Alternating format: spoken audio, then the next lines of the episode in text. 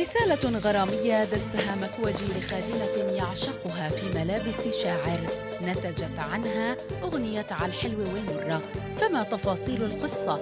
وكيف انتهت الرسالة لدى شخص غير الذي أرسلت إليه؟ للغناء قصة من الشرق بودكاست. ذات يوم في خمسينات القرن الماضي استيقظ الشاعر المصري مأمون الشناوي وارتدى ملابسه التي رتبتها خادمته في الخزانة. وضع يده في جيبه فعثر على ورقة كتب عليها.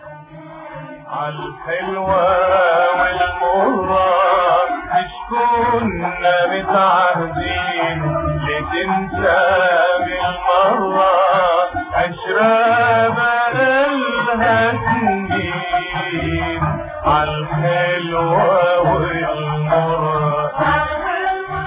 دندن الكلمات فوجدها أقرب للشعر الغنائي انتابته الحيرة. فهذا ليس لونه في الكتابة ولا يذكر أنه كتب هذه الكلمات من قبل. سأل الخادمة عن الرسالة فأبدت عدم معرفتها. لكن حين حاصرها بالأسئلة اعترفت أن المكوجي يحبها ويضع لها رسائل غرامية في جيوب الملابس. اعترفت أنهما ليسا على وفاق منذ مدة فبعث لها برسالة عتاب لم تتوقعها وهكذا انكشفت القصة. ضحك الشناوي كيف تحولت ملابسه لساعي بريد بين العاشقين. هتف صديقه الملحن محمود الشريف واستدعى المكوج الموهوب. سأله الشناوي إن كان باستطاعته إكمال كلمات القصيدة فأخذ المكوجي يقول نسيت خلاص عندنا ونسيت ليالينا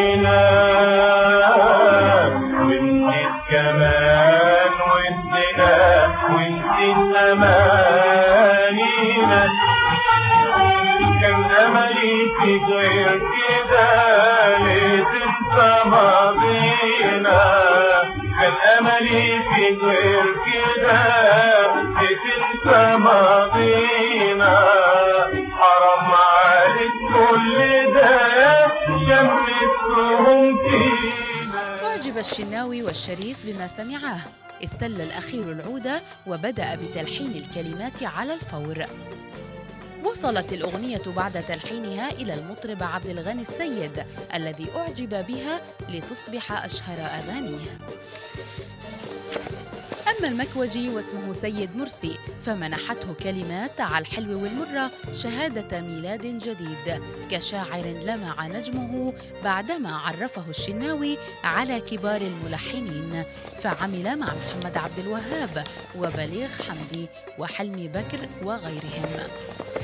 كما تغنى بكلماته العشرات من الفنانين الكبار مثل محرم فؤاد وعبد الحليم حافظ ونجاة الصغيرة وليلى مراد ووردة وهاني شاكر وغيرهم. توفي سيد مرسي عام 1995 عن عمر ناهز المئة وثمانية أعوام تاركا خلفه إرثا غنائيا ضخما. ورغم هذا الإرث الغني بقيت أغنية على الحلو والمرة الأهم فيه والأكثر شهرة. متعهدين لتنسى بالمرة سنين عالحلوة والمرة